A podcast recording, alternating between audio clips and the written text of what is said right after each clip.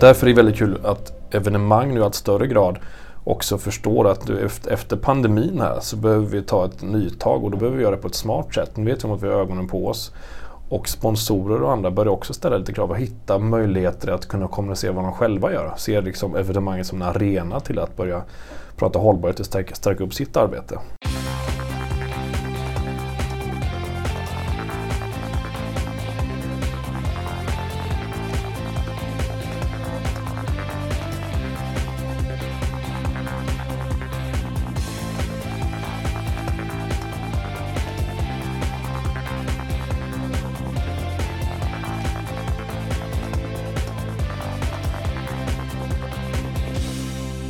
Då säger vi välkomna till ett nytt avsnitt av O-ringen-podden. Eh, tror att det är avsnitt 174, 75, någonting sånt sedan starten mm. 2013. Idag är jag i Varberg, denna pärla på västkusten hos Simon Strandvik, VD på Green Time. Mm. Och vi ska prata hållbarhet. Mm. Det är liksom temat för den här podden idag. Mm. Vem är Simon Strandvik? Simon Strandvik det är jag. Eh, det är en miljövetare som pluggat till, eh, ja, eller ja, jag är miljövetare i grund och botten, pluggat i Uppsala. Jobbar med Green Time då, startade igång det 2014, varit ute på massvis olika typer av event och kollat deras miljöarbete. Senare blir det hållbarhet man börjar prata om, 2015 framförallt. Um, och gjort massvis med konstiga uppdrag, föreläsningar. Men det jag gör nu idag då, det som Green Time driver, det är ju den här certifieringen hållbart evenemang. Så vi håller i den och det är det som O-ringen då eh, siktar mot att bli ett certifierat hållbart evenemang. Men det är en värderingsstyrd människa som vill eh, världen bättre egentligen. Så kan man säga. Mm. Så där har vi kopplingen O-ringen och Green Time har ett partnerskap i den här ambitionen så att säga. Ja precis. Sen är det ju inte så att det är vi som bestämmer utan det finns externa revisorer som granskar och så men vi hjälper ju till där så mm. gott det går. Tycker också att O-ringen har gjort ett jättebra jobb sen innan. För det är inte, ja, vi har samarbetat några år här. Då. Sen kom ju pandemin och då så, ja. Men eh, det finns ett jättebra arbete som grund vad gäller hållbarhetsfrågorna för O-ringen tycker jag. Om man jämför med många andra grejer och det är ett spännande evenemang för det är väldigt mycket människor. Men ändå så är temat hela tiden i naturen någonstans att man springer där. Så det, det, det, känns väldigt bra och det är någonting vi gärna förenas med själva alltså O-ringen. Så att, eh, Ja. Mm. Ja, det blir bra med ett konkret mm. case här också ja. i O-ringen under vårt samtal. Mm. Jag tänkte först bara Simon, hållbarhet. Mm. Det är ett ord vi slänger oss med då och då mm. utan att kanske veta vad vi, vad vi mm. säger. Hur, hur, skulle du på ett kort sätt klä ordet hållbarhet? Men det är en bra fråga, för vem kastar sig inte med begreppet hållbarhet nu idag? Utan alla ska prata om hållbarhet och det är det som också är risken att alla pratar om olika saker. Jag är ju lite mer vetenskaplig av mig så jag vill gärna veta när är det, där, när är det hållbart? Och då får vi titta på den hållbara utvecklingen. Och det finns en definition där från Brundtland 1987 som säger en hållbar utveckling det är en utveckling som tillfredsställer dagens behov utan att äventyra kommande generationer att kunna tillfredsställa sina behov. Det vill säga det vi gör idag ska funka nästa generation. Och vad är det då som ska funka? Och då kan vi bryta ner det och då gillar jag det naturliga stegets hållbarhetsprinciper fyra principer som du behöver följa för att vara helt fullt hållbar och det är det vi kan ha i sikte. De principerna är Ta inte upp massa grejer från berggrunden, alltså olja, kol och gas och sånt. Sprid inte massa kemikalier i samhället som påverkar naturen eller oss människor. Tryck inte bort ekosystemen. Och samtidigt så ska människors behov vara tillgodosedda. Om vi har de här fyra bitarna med oss då kan vi börja snacka om när det faktiskt är hållbart och då kan vi till och med applicera ett evenemang. Alltihopa vi gör kan hitta evenemang, alla inköp alltihopa. Men då ska vi inte ha fossil energi när det produceras och de som producerar det här de mår bra längs vägen också.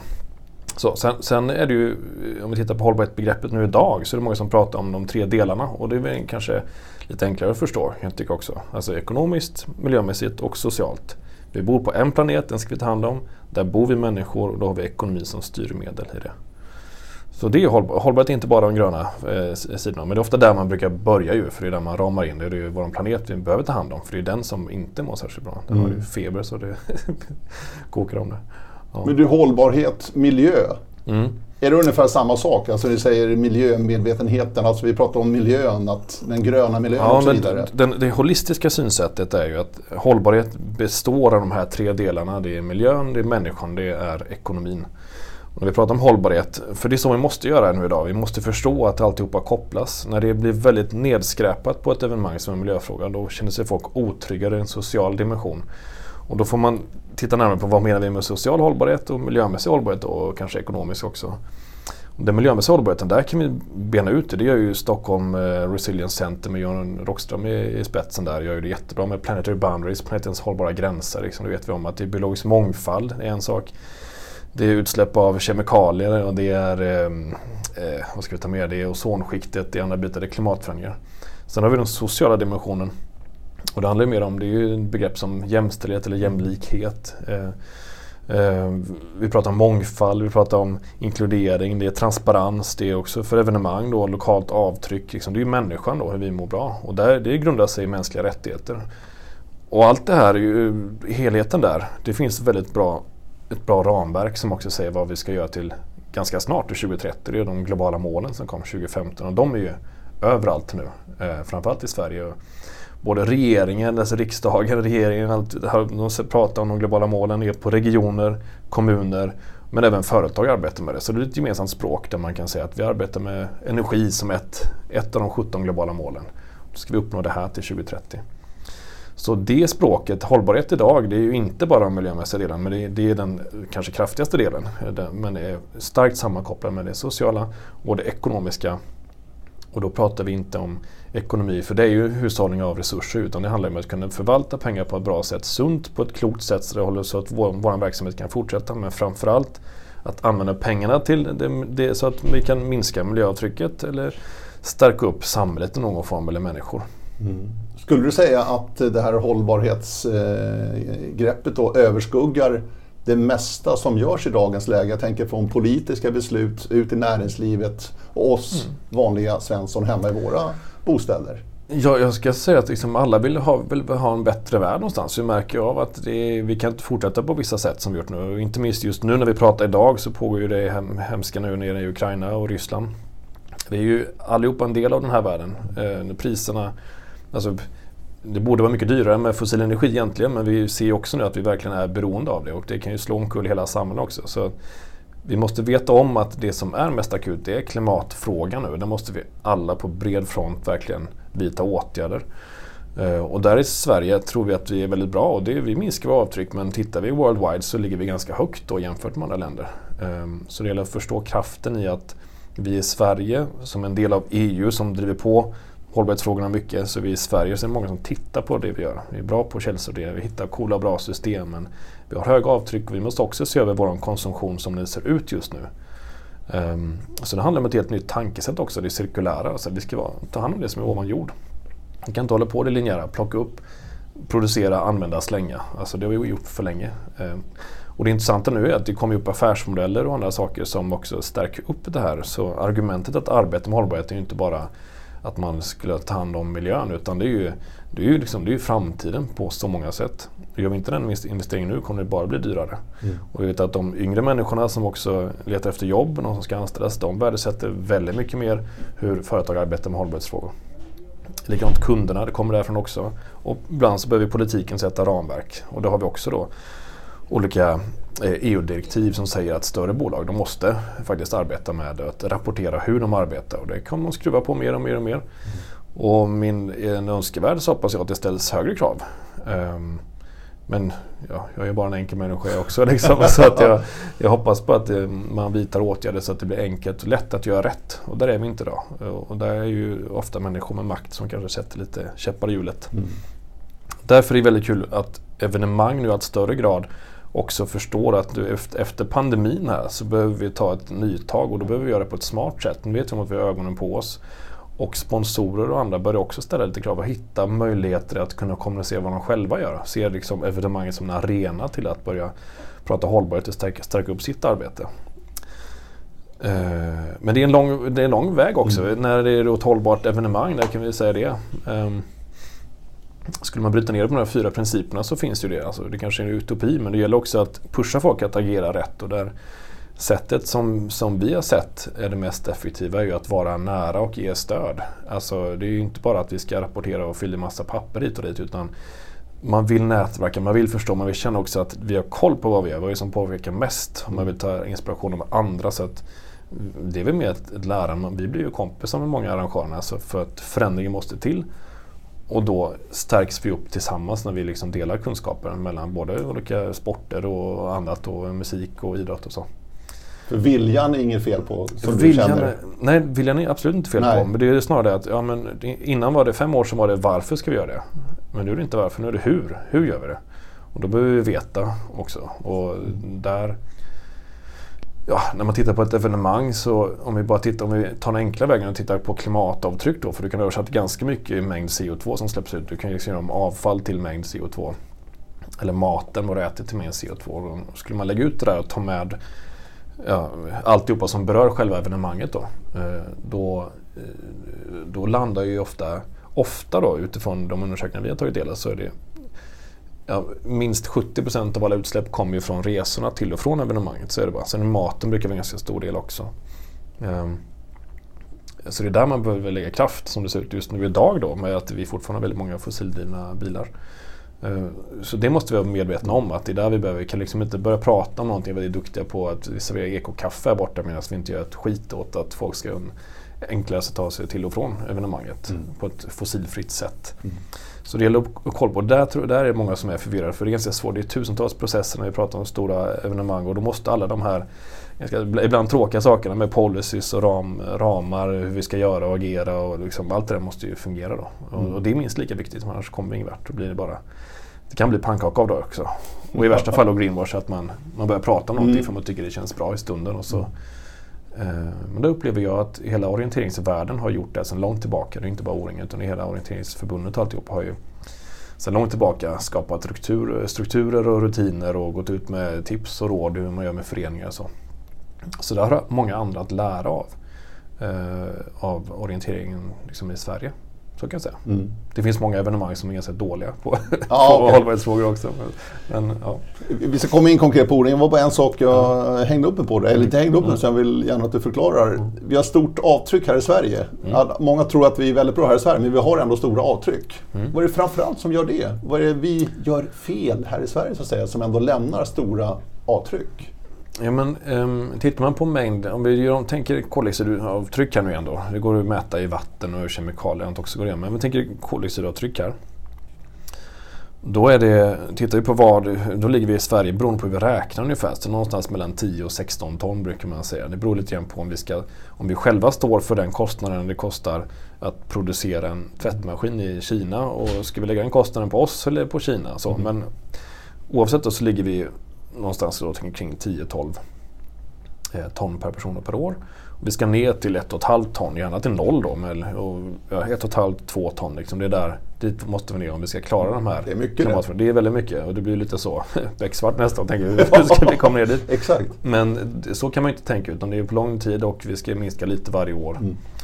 Det som gör att vi ändå har väldigt höga avtryck, det är, man brukar prata om eh, bilen, biffen, bostaden. Det är ett ganska vanligt begrepp att vi äter fortfarande väldigt mycket kött i Sverige. Det är en del i det. Vi åker väldigt mycket bil fortfarande på fossilt. Eh, uppvärmning av lokaler och annat och huset också. Det finns också mycket energi där. Eh, men framförallt är det också det vi, eh, bortsett från det då, så är det också allt vi köper in. Alltså vi har ju en konsumtion som inte är hållbar. Och det är inte unikt för Sverige utan den finns ju överallt. Alltså, kommer aldrig glömma den gången när jag kom, det som satte igång mitt tankesätt kring allt det här med, eh, med hållbarhetsfrågorna var när jag var utomlands och fick se ganska hemska saker hur man producerar kläder på vissa ställen. Kom hem till, till Sverige och ska köpa en, en butik i en välkänd klädaffär och så kostar den typ en t-shirt 39 spänn. Och det här var ju länge sedan också. Mm. Det här är ju inte den riktiga kostnaden för det utan det är någon annan som tar den. Och jag tror det är det man behöver. Vi är, nog, vi är fast lite grann i att vi, vi, vi tror, eller nu blir det lite, lite väl kanske off topic här men um, när vi tittar på hur vi som människor mår bra så tror vi också ofta att, det är, att vi ska köpa oss till, oss till oss lycka någonstans och att det är därför vi byggt upp det här. det är ju väldigt mycket info man får varje dag. Och vi kanske blir lyckligare av att vi ska köpa produkter man jämför sig hela tiden. Och sen så nu med hela digitaliseringen och vi hela tiden jämför oss, då vill vi också hela, hela tiden fortsätta alltså, köpa saker. Men det är också en motreaktion och tittar man på psykisk ohälsa som en annan del i det, det, det, det tar ju sin grund från någonting. Och, ja, där kan man ju spekulera vidare också, mm. hur det hänger ihop. Men blir vi egentligen lyckligare av att vi köper saker? Och behöver vi ens ha saker? Ska vi alla ha en bil vi kanske kan dela på rätt så mycket? Och, få, och fortfarande ha kvar samma upplevelse. Och där är det där man kan se möjligheterna med delningsekonomi och, och ändå kunna eh, hitta smartare, effektivare lösningar på saker och ting och samtidigt kunna må bra som människor. Det är dit vi vill. Det är dit vi vill. Men det som utsläppen, för att sammanfatta, beror på Ja, men det är för att grunden som vi har byggt upp vårt samhälle på det är ju att vi har haft ett linjärt sätt att producera saker. Och vi håller på att fasa ut, det gör vi också. Men det är mycket som uppstår av det som vi producerar i form av produkter och maten vi käkar också. Och hur vi åker våra bilar. Eh, kollar du på Burkina Faso, där ställen, då ligger de nere på liksom under ett ton. Mm. Det är för att de har lite annan standard än oss. Mm. Så det är vår höga levnadsstandard mm. och vi i väst. Mm. Men det är en lång väg att vandra känns det som. Ja, men, men den är nödvändig? Den är nödvändig och det behöver inte vara så himla svårt. Men du kan ju bara ta det som händer just nu idag då. I, nu vet, i, stunden, I den här stunden så tror jag att de sitter och pratar om alltså i Tyskland då, ska man, ska man säga nej till att köpa in all den här gasen? Ska vi börja producera egen gas? För märker man är beroende där. Ja, man kan ta fram miljövänlig naturgas också men det tar några år. Men det, det kommer ju trummas på. De håller på redan nu och försöker liksom i panik lösa det. Mm. Eh, så det går ju verkligen bara man, man, man vill. Men man, man får inte heller glömma bort att det som har gjort hela vårt välstånd är ju, liksom, det är ju olja som är en fantastisk liksom, egenskap. Eller det är, det är en fantastisk produkt som har gjort så mycket för oss. Och nu behöver vi bara ta hand om en liten effekt av det. Mm. Och vi vet också om att det är billigare med förnyelsebart nu idag. Alltså köper du, ska du investera pengar någonstans så gör du inte det i kol längre på samma sätt som det var innan. Det är mer lönsamt med vindkraft och sol och så. Så det händer ju mycket. Uh, och det behöver vi styra av och styra bort och trycka i rätt riktning. Och där är det många som famlar nu. Det är många som håller på nu. Så här, ja men våran kommun då, hur gör vi då? Hur ska vi minska våra utsläpp med 10% varje år? Ja men det blir ju allting då i kommunen. Alltså vilka, vilka företag är det som finns där och hur, hur, uppstår de utsläppen för det? Vad är det för företag? Kan de producera annat utan att använda... Tillbaka till de här fyra principerna då. Ja. Mm. Så nej, det är klart att det är möjligt och görbart. Och jag själv är ju vegetarian helt nu. Det var någonting som jag säger, successivt, jag skulle liksom inte kunna tänka mig att laga kött. Inte. Men jag tror inte det handlar om att man ska inte smutskasta heller och säga, lägga det dåliga samvetet på säga att ja, men ta cykeln, tänk på miljön eller gör inte det, tänk på miljön, gör inte detta. Utan det gäller att göra det lätt för folk och det är precis så vi ska arbeta med evenemang också. Om vi, om vi tänker oss något evenemang att det är samma så mycket folk, så då ska man göra det lätt för folk att göra rätt. Och där famlar man lite också ibland. Eh, det ska vara enklare för mig att kunna ta mig och äta någonting hållbart. Eller så. så kan man trycka i rätt riktning så folk känner att men det här känns bäst för stunden. Då är det det de gör. Mm. Uh, vi, ska istället arbeta med att för din hälsas skull så ska ju du få någonting av, av det. Uh, det är därför du ska cykla. Så tjänar miljön på det också. Um, du kan ta andra saker också, men du ska inte äta mindre kött för miljöns skull. Utan du ska, vet ju också om att det är bra med, med mycket mer grönt. Mm. Så för din hälsas skull, så ät lite mindre kött. De argumenten tror jag att man behöver arbeta mot privatpersoner mycket. Det är en sak. Sen, behövs, sen är det ju redan satta mål. Vi ska vara klimatneutrala 2045. Vi håller på att fasa ut så mycket energi det bara går som är fossil från fordonsflottan. Så det håller ju på att hända. Men om vi fortsätter att flyga med med flyg till exempel, om alla åker ner och kör sin semestervecka som det ser ut just nu idag i dagsläget på fossil energi, ja, men det är klart att det ger avtryck. Mm. Det är ju liksom två ton minst bara fram och tillbaka till Thailand, så då har du en avtryck för ett år. Så det är de grejerna vi måste, om inte då hitta andra sätt att resa på som inte släpper ut. Mm. Och där finns ju, där är ju marknaden mycket, mycket mer mogen idag än bara innan, än var innan pandemin. Så det finns ju större och större incitament till det. Men generellt sett tror du att vi, jag säger vi då, mm. är mogna att ta emot sådana här att, jag menar, du ska åka till jobbet, ta inte bilen, du får ta tåget eller du får ta cykeln. Men det är mycket krångligare, det tar längre tid. Det är svårt att köpa de argumenten också. Ja, eller som ett annat bolag, då får man arbeta på annat sätt, tänker jag i alla fall. Um, som, jag hade kontakt med en, en, en, en, VD på ett bolag som hade 20 anställda. De tyckte det var jobbigt med att cykla. Och de, han kunde inte förstå varför det var så jobbigt för dem. Att, nu var det en han i det här fallet. Då. Um, eh, han kunde inte förstå vad det var som var så himla knepigt för dem. De tog bil i alla fall. Och då så tänkte jag så här, men jag får undersöka det här, vad är det som är grejen? Men då var det för att ja, det kostar att köpa en cykel och det är liksom, du har ingenstans att ställa den. Och det, kan, ja, det var massa olika bekymmer så. Men de ville ju egentligen då. Så, så att han sa, men jag köper cyklar till alla de här anställda. Mm. och så satsar jag pengar på det för att jag tror att de kommer att må bättre och, prestera bättre. Och så hade de fixat omklädningsrum och det gjorde alla de sakerna. Och folk är inte borta lika mycket. Och de mår ju bättre som människor. Och det de får då, de får ju bara fördelar med det. De slipper sitta i bilkö. Så för, för din hälsas skull, för bilköernas skull, för att du ska komma till jobbet, för att du ska må bättre. Därför ska du ta cykeln. Men man pratar inte om miljön utan det blir en positiv effekt av det. Mm. Mm. Eh, men, men det är klart, skulle jag säga till alla, ja men det är klart folk som bor på landsbygden som är beroende av bil, det är inte så himla lätt. Det är ju mm. skitsvårt.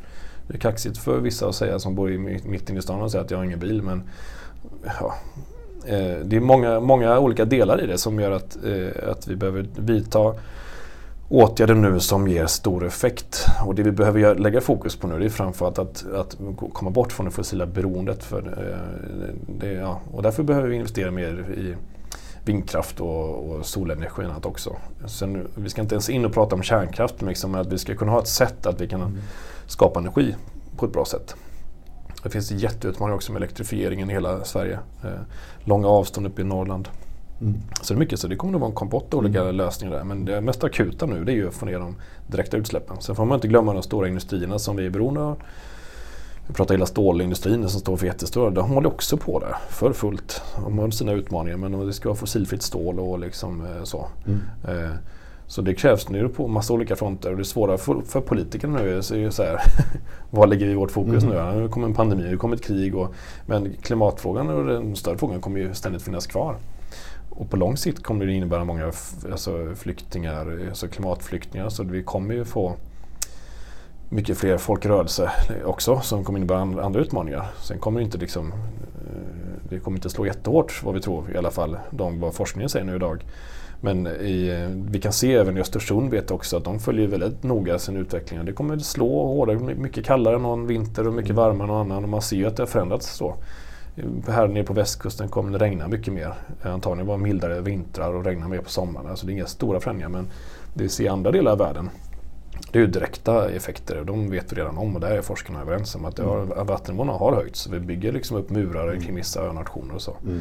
Korallreven håller på att blekna och det är en effekt av att havet suger upp massa koldioxid. Så alltså, vi ser väldigt mycket effekter av det. Så det är, vi borde sluta nu. Men blickar vi tillbaka till 2015 och vi sa under Parisavtalet då, när 192 länder sa att nu skriver vi under, nu skriver vi allihopa mm. vidta åtgärder. Sen dess har det bara fortsatt att öka. Mm. Vi i Europa går ner lite grann och vi i Sverige minskar lite men det är en stor koloss som driver på också. Så på ett sätt är vi ju bara en piss i havet, ursäkta uttrycket. Men, mm.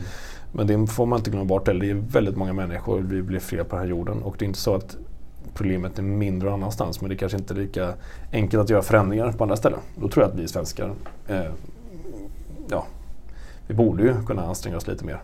Men eh, alltså, just det du säger nu, eh, kan man koppla det till att de kommersiella intressena är för starka?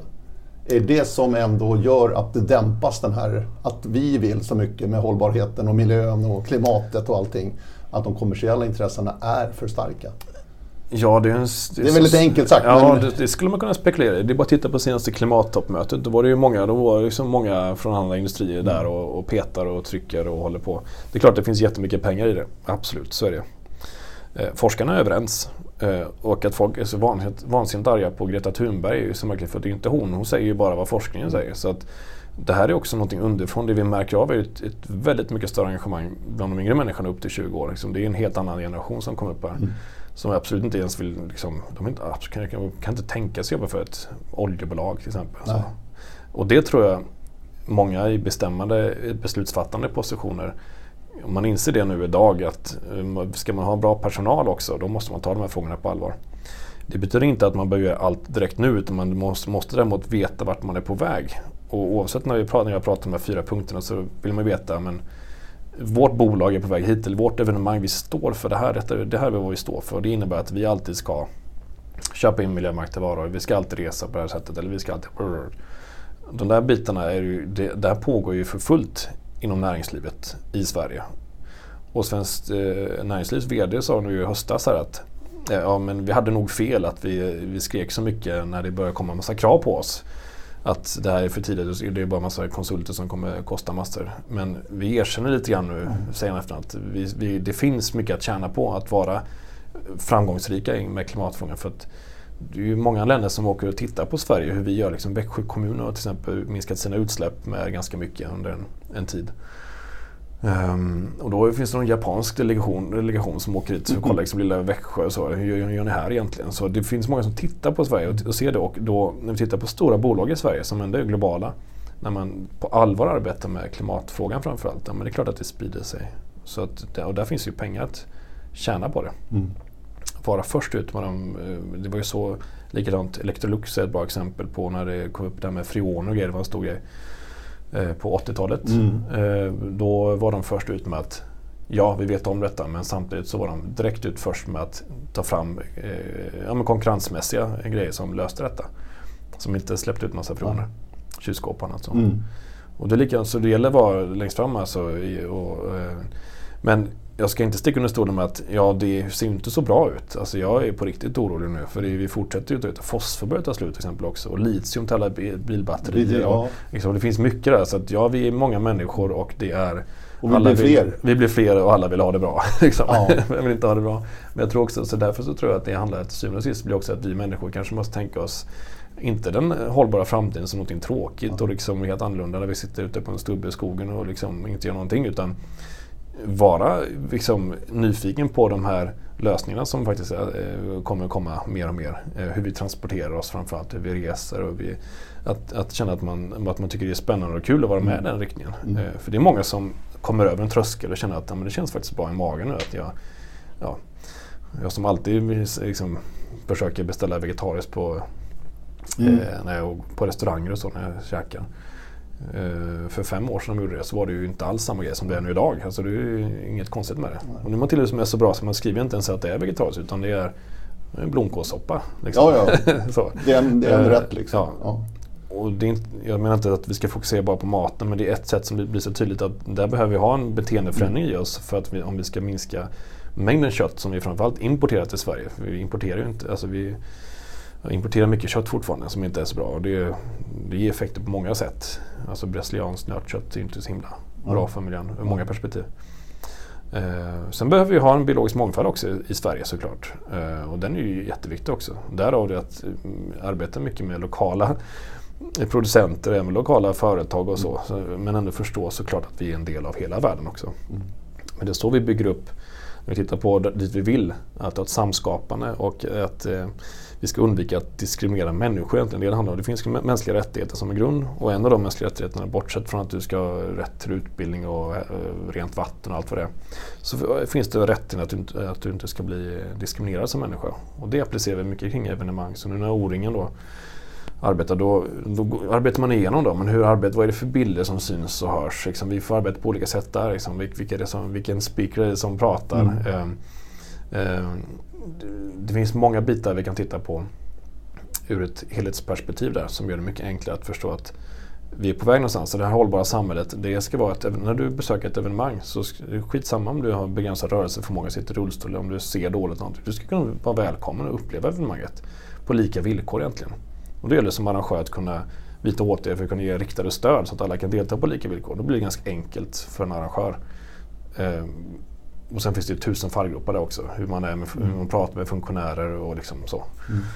Eh, men det är ju exakt likadant för annan verksamhet också. Alltså, eh, stora bolag kan ju inte, man måste ha koll på alla sina underleverantörer. Om vi köper kläder från någon, någon producent i ett annat land, men då ställs det allt högre krav också. Så att, och då har vi utmaningen att det flyttas runt också. Mm. Så här, det är inte Taiwan och det nästa land som hoppar runt i. Men någonstans så får ju alla det också bättre. Och där var ju Hans Rosling liksom mästare på att visa att vi har faktiskt minskad barnadödlighet. Vi, har, vi går mot mycket bättre en bättre värld någonstans. Och då blir det ju så extremt eh, nästan komiskt nu då när eh, hela det som händer med Putin nu idag. När vi pratar om att grunden i ett välmående samhälle är fortfarande en demokrati.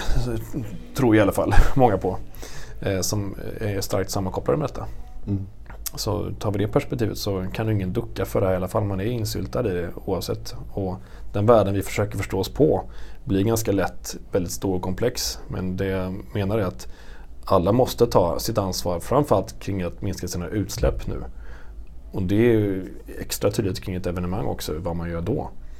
Eh, och det görs på bred front politiker och andra stora företag gör saker nu. Vi har olika styrsystem för att komma ordning med det. Kina fattar också grejen. De struntar i att öppna upp lika många kolkraftverk utan det är solceller. Och det är ju av finansiella skäl. Och för att befolkningen mår dåligt i stora städer av för mycket luftpartiklar. Mm. Så det, det, pågår ju någonting, en stor, det är liksom ett paradigmskifte som är påbörjat här nu. Men det är lång tid kvar. Och jag har svårt att tänka mig eh, företag som producerar saker eh, byggt på fossil energi.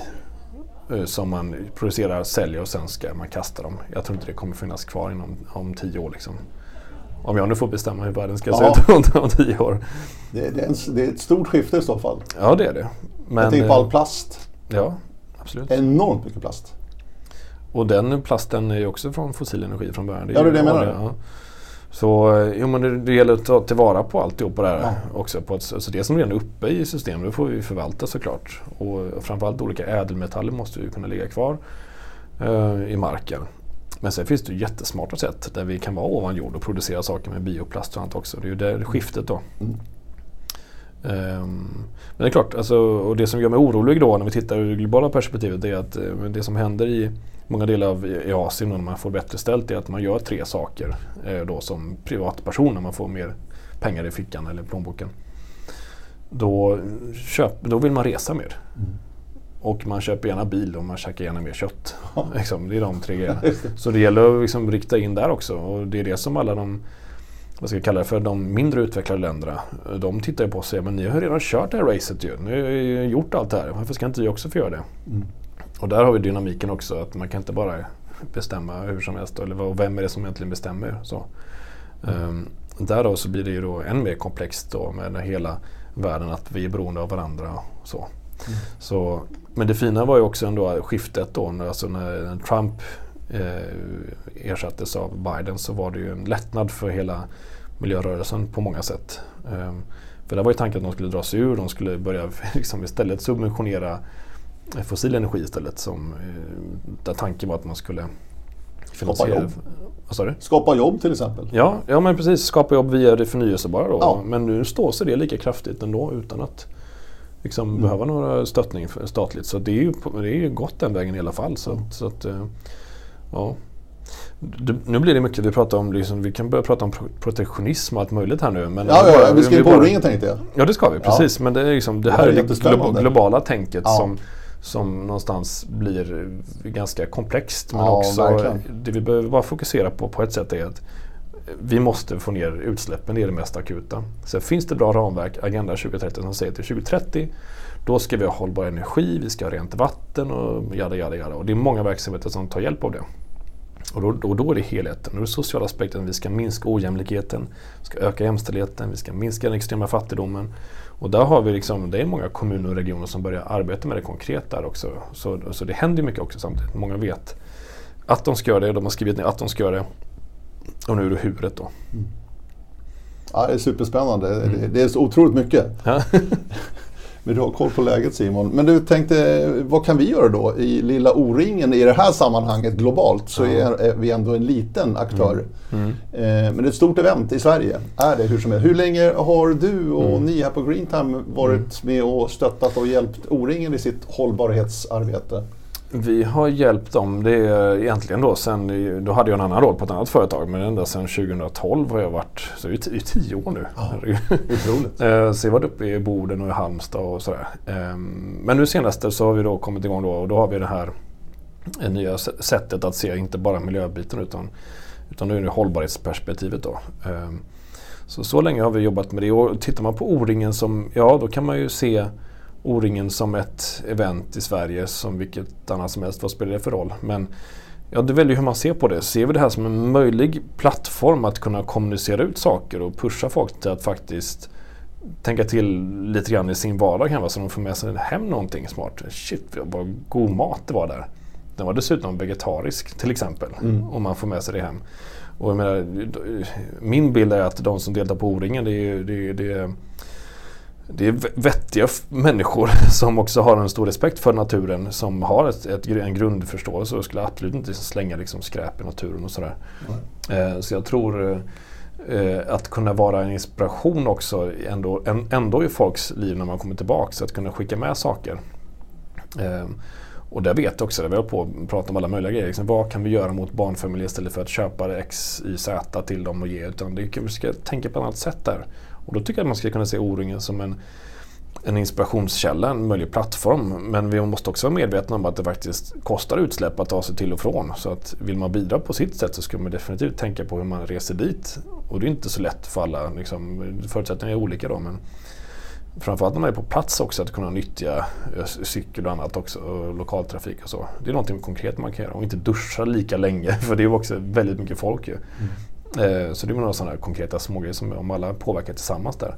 Men det jag vill skicka med ändå är att ja, vi måste vara medvetna om att det, ja, det kostar utsläpp och det är saker som produceras. Eh, men vi vill klart vi vill göra O-ringen om, om tio år också ju. och då kommer det vara annorlunda. Då kanske vi har ordnat transporter, då kanske det går med tåg eller då kanske vi alla kör elbil eller fossilfritt. Men det är fortfarande samma upplevelse ändå. Och kunna vara med i den resan och påverka, då blir ju egentligen O-ringen som en liten plattform. att säga men vi, vi vill någonstans. Och det tycker jag man gjort väldigt bra då. Så det finns en jättebra policy. Att man tycker att frågan är viktig och det här är vad vi faktiskt gör. Vi ska nå certifiering, det är en annan också viktigt, ett viktigt ställningstagande. Då kan man inspirera andra eh, förbund. Det finns, jag ska inte säga illa om något förbund men det finns många som har mycket kvar att göra. Mm. Och då kan man bli inspiration till andra. Och jag vet om att evenemang i Sverige som lyckats väldigt bra, det, det sprider sig till andra länder också. Så att det är många som tittar på Sverige hur man kan göra, genomföra bra evenemang. Vad, vad gör du och ni när ni kommer in så att säga, till O-ringen här och ska mm. börja hjälpa dem? Hur, hur, arbetar ni så att säga, med det? Mm. Är, är det mycket att titta på gammal dokumentation, eh, prata mycket med folk, eh, prata med arrangörerna som, som ja. ska genomföra det här. Ja. Hur jobbar ni så att säga? Nej, men det vi jobbar med är att vi har eh, vi ska vara ett stöd för arrangören då egentligen att kunna planera så hållbart som möjligt. Så att vi vill gärna vara ute i god tid. Gärna ett, alltså ett år innan, eh, minst, minst tre månader. Så. Men i det här fallet så har vi haft pågående samarbete under längre tid. Men i bästa av alla världar så har vi kontakt med dem i god tid innan de börjar planera. Då har vi ett bra verktyg. Vi tycker det är bra i alla fall. Det gillar arrangören också. Att då får man den strukturen nedstolpat. Liksom. Det är energifrågor och då är det massvis med frågor. Inte fast det blir enkelt för det för att det blir så strukturerat. Mm. Och då går vi igenom med arrangören i lugn och ro. Liksom. Det är de här bitarna man kan tänka på och svara på frågorna. Man behöver inte plocka alla poäng men det är där man börjar. Och då händer någonting. Då, det, där vill vi ha beteendeförändringen. För kan vi få arrangörerna att tänka annorlunda så att man kan ändra mm, till exempel eh, när tåget anländer, liksom, att man anpassar start och, eh, och slut. Eh, alla sådana små saker som lägger vi på någon högtid nu som går i konflikt med något. Det finns många sådana aha-upplevelser. Eh. Men så det här verktyget är som en grund. Vi finns med och i lugn och ro går igenom alltihop och där tittar vi också på policy och dokumentation och där går vi in och då pratar vi mycket om vad som hänt innan. Men vad är det ni står för och liksom få ner det på pränt så att det blir enkelt för andra att hänga på. Sen börjar liksom en process där vi då har vi nätverksträffar och vi kör utbildningar ibland också. Ibland behöver man stärka upp sin kompetens. Så finns vi med då. Så har vi sådana avstämningar med arrangörerna. Att nu ska vi in och titta på arbetet igen. Hur ligger vi till? Och för det märker vi också att man blir, det är lätt att man bara blir för stort och för, man vill gärna ha någon att hålla i handen. Så vi håller i handen, vi vägleder, vi inspirerar, vi utbildning och kompetenshöjning längs vägen. Eh, och sen fortsätter vi till, nästa år. Nu ska vi ha lite högre mål. Vad gör vi nu då? Så. Hur, hur mäter ni? Alltså går det här att mäta så att, säga, att ni tar mm. steg i rätt riktning? Det går att mäta på, och det är väl en av de stora svårigheterna generellt kan vi säga, att hur mäter vi hållbarhet? Då? Ja, liksom, exakt. Hur kan jag jämföra mitt företag och arbete med jämställdhet med ett annat företag? Så det går väl kanske, men hela hållbarhetsfrågorna då. Så då vi, det här var ju liksom en nöt att knäcka också, så det vi har gjort är att vi, det här verktyget då bygger på massvis med frågor och är det bra så kan du svara ja på den. Och så får du motivera varför. Säger du nej så får du inga poäng då. Men du får, säger du ja så får du poäng. Eller till viss del så får du ett halvt poäng. Och på ett sätt då så kan man ställa frågor som Har ni miljömärkt el? Det är ju ja eller nej. Så. Då får du poäng för det. Men sen kommer vi också in då till det här. Eh, för det, det, är för att motivera och så att man också känner att det händer någonting. Men då har du faktiskt ett poäng, ett poängsystem. Där du kan jämföra att under kategorin energi så plockade vi 6 av 9 poäng det här året. Alltså det vill säga 6 ja har vi svarat av 9. Till nästa år så vill vi ha 7. Så du kan ju få ut antal poäng du plockar över alla de här 150 frågorna. Så så kan vi mäta. Men man kan också mäta CO2-avtryck så det finns som möjligt också i det här verktyget som vi kör. Och då får man mata in, bara man matar in siffrorna på rätt sätt så kan du jämföra år till år. Och då är det liksom framförallt hur folk reser, vad man äter och vilket avfall som uppstår och lokaler och så. Det måste vara svårt. Ja, det är ganska svårt. Men, Speciellt eh, O-ringen med 20 000 deltagare ja, och kanske man, 5, 6, 7 000 till. Ja, och skulle man göra det här, det som man kan göra det väldigt, väldigt noga. Det har också hjälpt något evenemang med liksom gått in på djupet, ett stort ja. Europamästerskap. Och då, då är det att man får liksom sitta och göra allt det efteråt och bara hur blev det här stora avtrycket nu då? Ja, hur reste folk och ska vi ta med hotellen eller inte och hur jobbar de? Och så. Man, det beror på hur man avgränsar men ska man göra det lätt för sig då kan man uppskatta ganska mycket arbete med schabloner och då kan man se ganska väl. Men det kan vi också ge stöd i så att man hamnar rätt där så vi får en rättvis bild av det. Och då kan vi, om vi tänker på samma sätt till nästa evenemang, då kan vi arbeta, ja, då kan man ju se en förändring också. Eh, men det, det, är ganska, det är ganska svårt det att göra. Ska man få exakt data då krävs det väldigt mycket undersökning eh, och då får man reda på det efteråt och då får man sammanställa. Så, så, så jobbar vi med mindre evenemang. Då är det så här, vi vill ha ett klimatneutralt evenemang. Ja, men bara vi vet hur folk reser och de ska käka för någonting så uppskattar vi så lägger vi på lite också så mm. att de fattar avtrycket. Så kan man ju då om man vill plantera träd för det om man skulle vilja. Finns det olika aktörer som gör det. Mm. Men eh, så helheten där vad gäller O-ringen så ja, det går det, Jag tycker att man ska se på O-ringen som ett, ett en möjlig plattform att kunna visa att här vidtar vi åtgärder. Och då, och då menar jag också att då måste man också vara tydlig med vad det är vi står för. Och det har ju O-ringen gjort på ett bra sätt. Där kan det hända andra evenemang att man inte har satt sitt tydliga varför och då blir det, blir det inte så mycket av det då. Och då kan det i värsta fall bli, bli greenwash av det. Um, nej, men så jag, tycker, jag tycker att eh, man ska vara stolt över det man gör och det, sen så finns det ju jättemånga coola och bra lösningar. Som man, alltså det finns alla möjliga konstiga grejer som man kan. Man kan det finns, eh, på festivaler så kan man liksom dansa till sig och ladda upp energi på sin mobiltelefon. Det finns alla möjliga. Det finns ätbara eh, tallrikar och tält och grejer. Ja, det finns alla möjliga liksom, konstiga idéer. Samtidigt är det så att det ska inte vara så svårt heller. Alltså, I grunden är det egentligen bara att folk samlas och ska uppleva någonting tillsammans. Så där får vi tänka på saker mm. och undvika att producera mycket skit egentligen som ingen använder i steg ett. Och folk får resa till och från och så käkar vi bra mat också. Som mm. inte är för mycket kött i, som folk mår bra av. Jag tänker de här 20 000 som är på O-ringen då. Mm. De skulle kunna springa till energin då. Eller de, de, de gör ju det på sagt, ja. de är ju ute allihopa. Ja, egentligen. Det finns sådana här cyklar man kan ladda sin... Eh, ja, det finns, det finns mycket man kan göra. Det är bara fantasin som sätter gränser. Ja. Men O-ringen eh, som det har sett ut nu de senaste, ja, ganska många åren. Första året vi hade buss ute i etapperna förresten var 1982 mm. uppe i Norrbotten. Mm. Mm. Men då var det inte en miljöfråga egentligen att Nej, ta ner avtrycket utan då mm. var det mer parkeringslogistiken. Just det. Ja. För långa köer, mm. svårt att hitta platser att parkera på. Mm. Då var lösningen, nej 83 var första gången, 82 ja. sista gången vi körde med bilar. Men 83 var det busskonvoj. Sen dess har det varit bussar ut på etapperna. Eh, och det är en del av O-ringen. Mm. Uppsala blir väldigt bra nu i sommar. Mm. mm. För att där kan man faktiskt cykla till samtliga fem Just etapper det. från O-ringenstaden. Mm. Nere i Ultuna. Mm. Eh, så det tror jag också är en nyckel framöver här om man mm. liksom ska verkligen få till ett hållbart event, mm.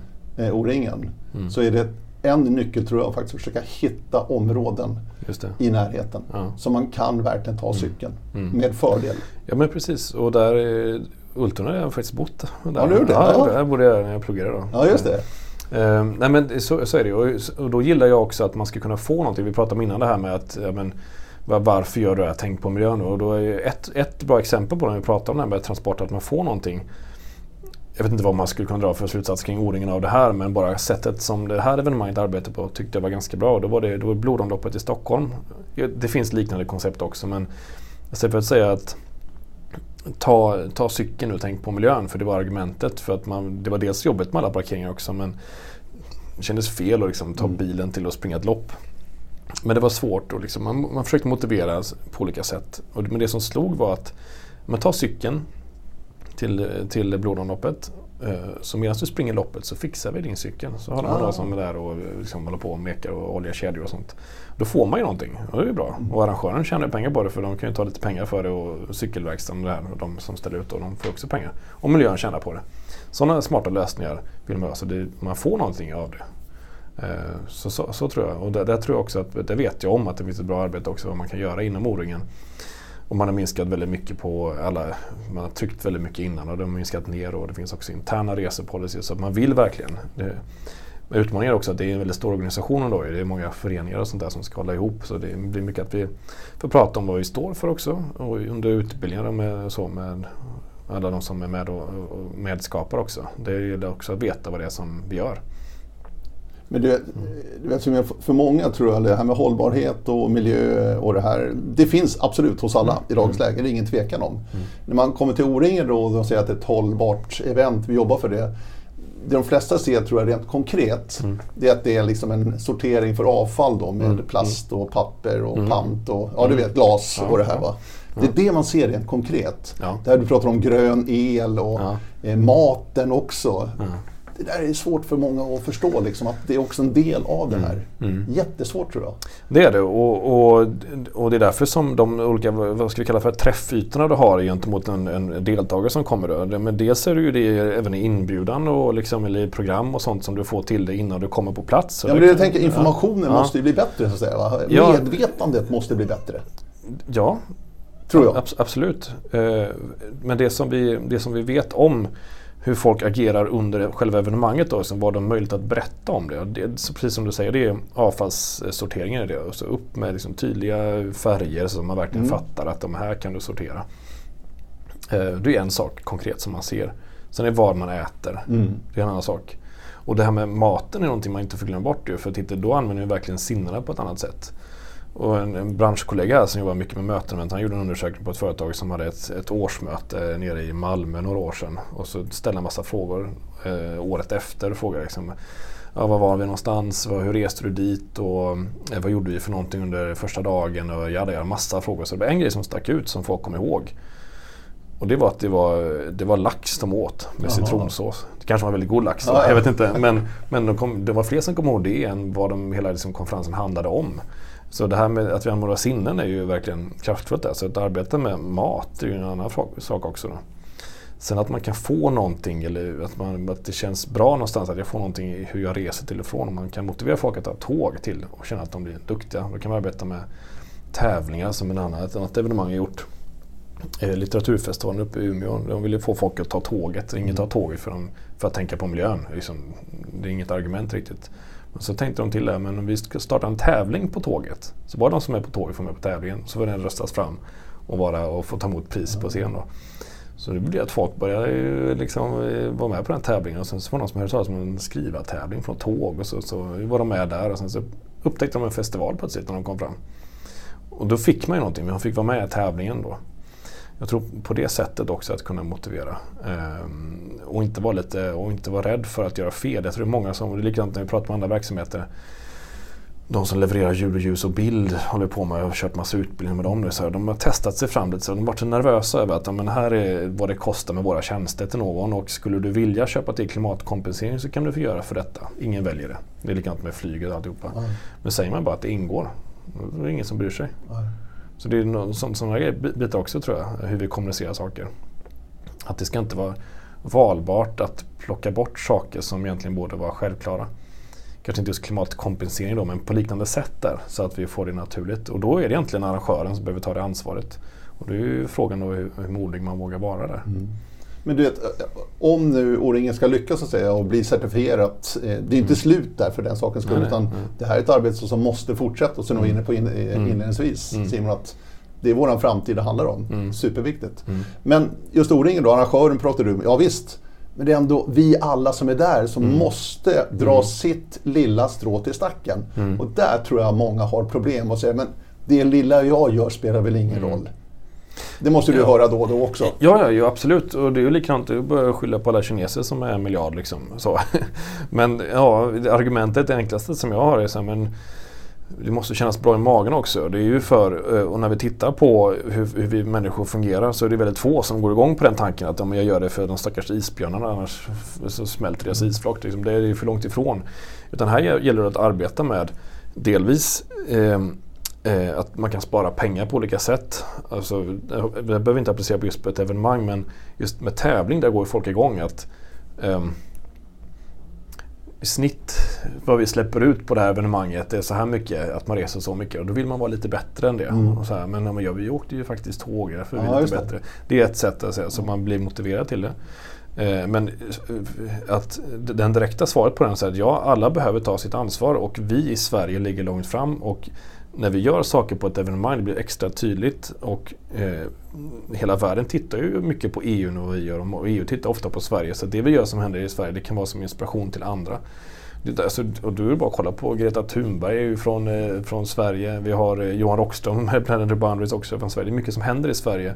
De globala målen också framtaget av en svensk också, designen av det. Eh, så det är många, vi ligger långt i framkant där så att det, det ska man känna att man är också med i en rörelse framåt. Eh, men för fem år sedan så gjorde vi ett, eller inte, jag ska inte säga experiment, men då var jag med och stöttade ett stort, eh, ett stort event. Eh, en kommun skulle ha en stor fest. Och många människor under två dagar, det skulle vara 5000 människor som skulle på den här festen. Och då tittade vi på vad kan vi göra för att det ska vara så hållbart som möjligt. Då började titta på ja, alla sociala aspekter, titta också på de miljömässiga aspekterna och konstatera att ja, men maten kommer att spela stor roll. Alltså om 2500 människor två dagar i rad ska äta någonting, klart att det är ett högre avtryck om alla ska käka nötkött eller om alla käkar eh, kyckling. Det spelar stor roll där, det vet jag om. Och då var de ganska modiga och sa att nej, nu kör vi helt vegetariskt för det är bra. Eh, nackdelen då var att folk blev ju så oerhört arga på det. En del blev arga så de ratade ju hela, liksom, hela den här eh, personalfesten då. För det ligger så nära också. Så man måste vara noga med att det, det ska vara lätt för dig att göra rätt. Det är det man ska trycka i en riktning. Eh, så att det känns rätt när man är där. Och när man, att man, man, är, på, eh, man är på O-ringen och det kändes, de har tänkt till här liksom jäkligt bra alltihopa. Liksom. Det var lätt att ta sig till och från och det var schysst käk. Och, shit, det, var, det var vegetariskt också. De arbetade väldigt bra med jämställdhetsfrågorna. Det var ofta både kvinnor och män och det var tillgängligt för allihopa också. Så här, de, man känner av att det finns, då hänger man ju med där lite grann. Och att man också får lite inspiration på vägen hem. Då tycker jag att det, eh, då kan man ju få med sig någonting positivt av det. Mm. Eh, någon annan under VM i eh, skid-VM tror jag, 2015 i Falun. Tror jag. Mm. Eh, de arbetar med sättet att ja, men, var med, åk på evenemanget för då kommer du göra en insats för miljön. Mm. För att när du är här så kommer du släppa ut mycket mindre. Och det okay. höll ju inte riktigt. okay. här, utan man måste också förstå att man faktiskt påverkar ju. Så att kunna tänka till att man, eh, hur, man, hur man reser och känna att man kan bidra. Eh, det, det tror jag är viktigt. Har, har du varit på, med din erfarenhet Simon, har du varit på något mönsterevent, något mönsterevenemang? Något riktigt, Som riktigt liksom bra. har kryssat i alla boxar? Jo men det finns massa bra exempel. Ja det gör det. Ja det finns oerhört många. Det finns, och det som egentligen är, det som är sammanfattningsvis kan man säga för alla de evenemangen är att det finns Det finns någon, någon tydlig ledare som säger också att det är hit vi ska. Ja. Som vågar. För tvärtom har det varit ofta innan framförallt att eh, det är någon stackars person som har lite, så, inte så mycket mandat. Den miljöansvarige kanske? Ja, sådär. Och bara typ. liksom, ja. Och, ja, men, jag var, hjälpte i Vasaloppet också. Och, och det enda den här personen slogs med var att få folk att fatta grejerna. Men har man en ledare som säger hit ska vi, vi är på väg hit. Då finns det ju liksom jättemånga roliga saker man kan skapa. Det finns Ja, vi får ju nämna Way Out West som har gjort ett jättebra jobb sedan långt, långt tillbaka. Eh, de har ju en sån målgrupp så de vågar ju gå och pusha det ännu längre liksom och skapa en, liksom en debatt om det. Men det var de som började också. Det finns många bra, liksom, jag vet att Stockholmsmässan och andra liksom, jag arbetar väldigt bra med att typ till och med bjuda in och hjälpa deras kunder som kommer och skapar liksom, olika mässor. Men så här ska ni tänka på det här sättet. Eh, sen finns det ju när, man får, när det blir enkelt och att det känns som att det bara flyter på. Man tänker på att det känns faktiskt att man, man känner sig ganska hållbar med det här. Mm. Sådana event har jag varit på. Det där, ja. det där tror jag är jätteviktigt Simon är inne på. För att vi vill ju inte att de som kommer till O-ringen, de åker dit för att ha kul, mm. springa orientering det bästa de vet och säga mm. det får inte bli någon tvångströja. Nej, nej, nej, exakt. Utan blir, det, precis ja. som du säger, det ska vara enkelt. Mm. Man kanske inte gör någonting egentligen, men mm. ändå så är man med i det här. Ja, exakt. Det är så, så tänker jag att ja. man ska göra. Um, och tvångströjan är inte bra. Kommer vi in dit och vi, alltså, det är lätt att dra på de här skygglapparna för det är ju så, liksom, ska ner med alla de här stora utsläppen och alltihop. Och, och det är inte konstigt heller. Men det, är ju, det är därför vi har liksom många, det, oron från SOM-institutet säger liksom att det som folk är oroliga för det är ju klimat, alltså klimatförändringar. och Så. Och det måste vi bort, det är inte bra att vara kvar där. Jag har en god vän som är psykolog och jag, jag trodde att hon skämtade när hon sa att hon har bara patienter som, där hon pratar klimatångest. Men det är på riktigt en person som jobbar då, alltså dagligen med klimatångest, alltså yngre människor.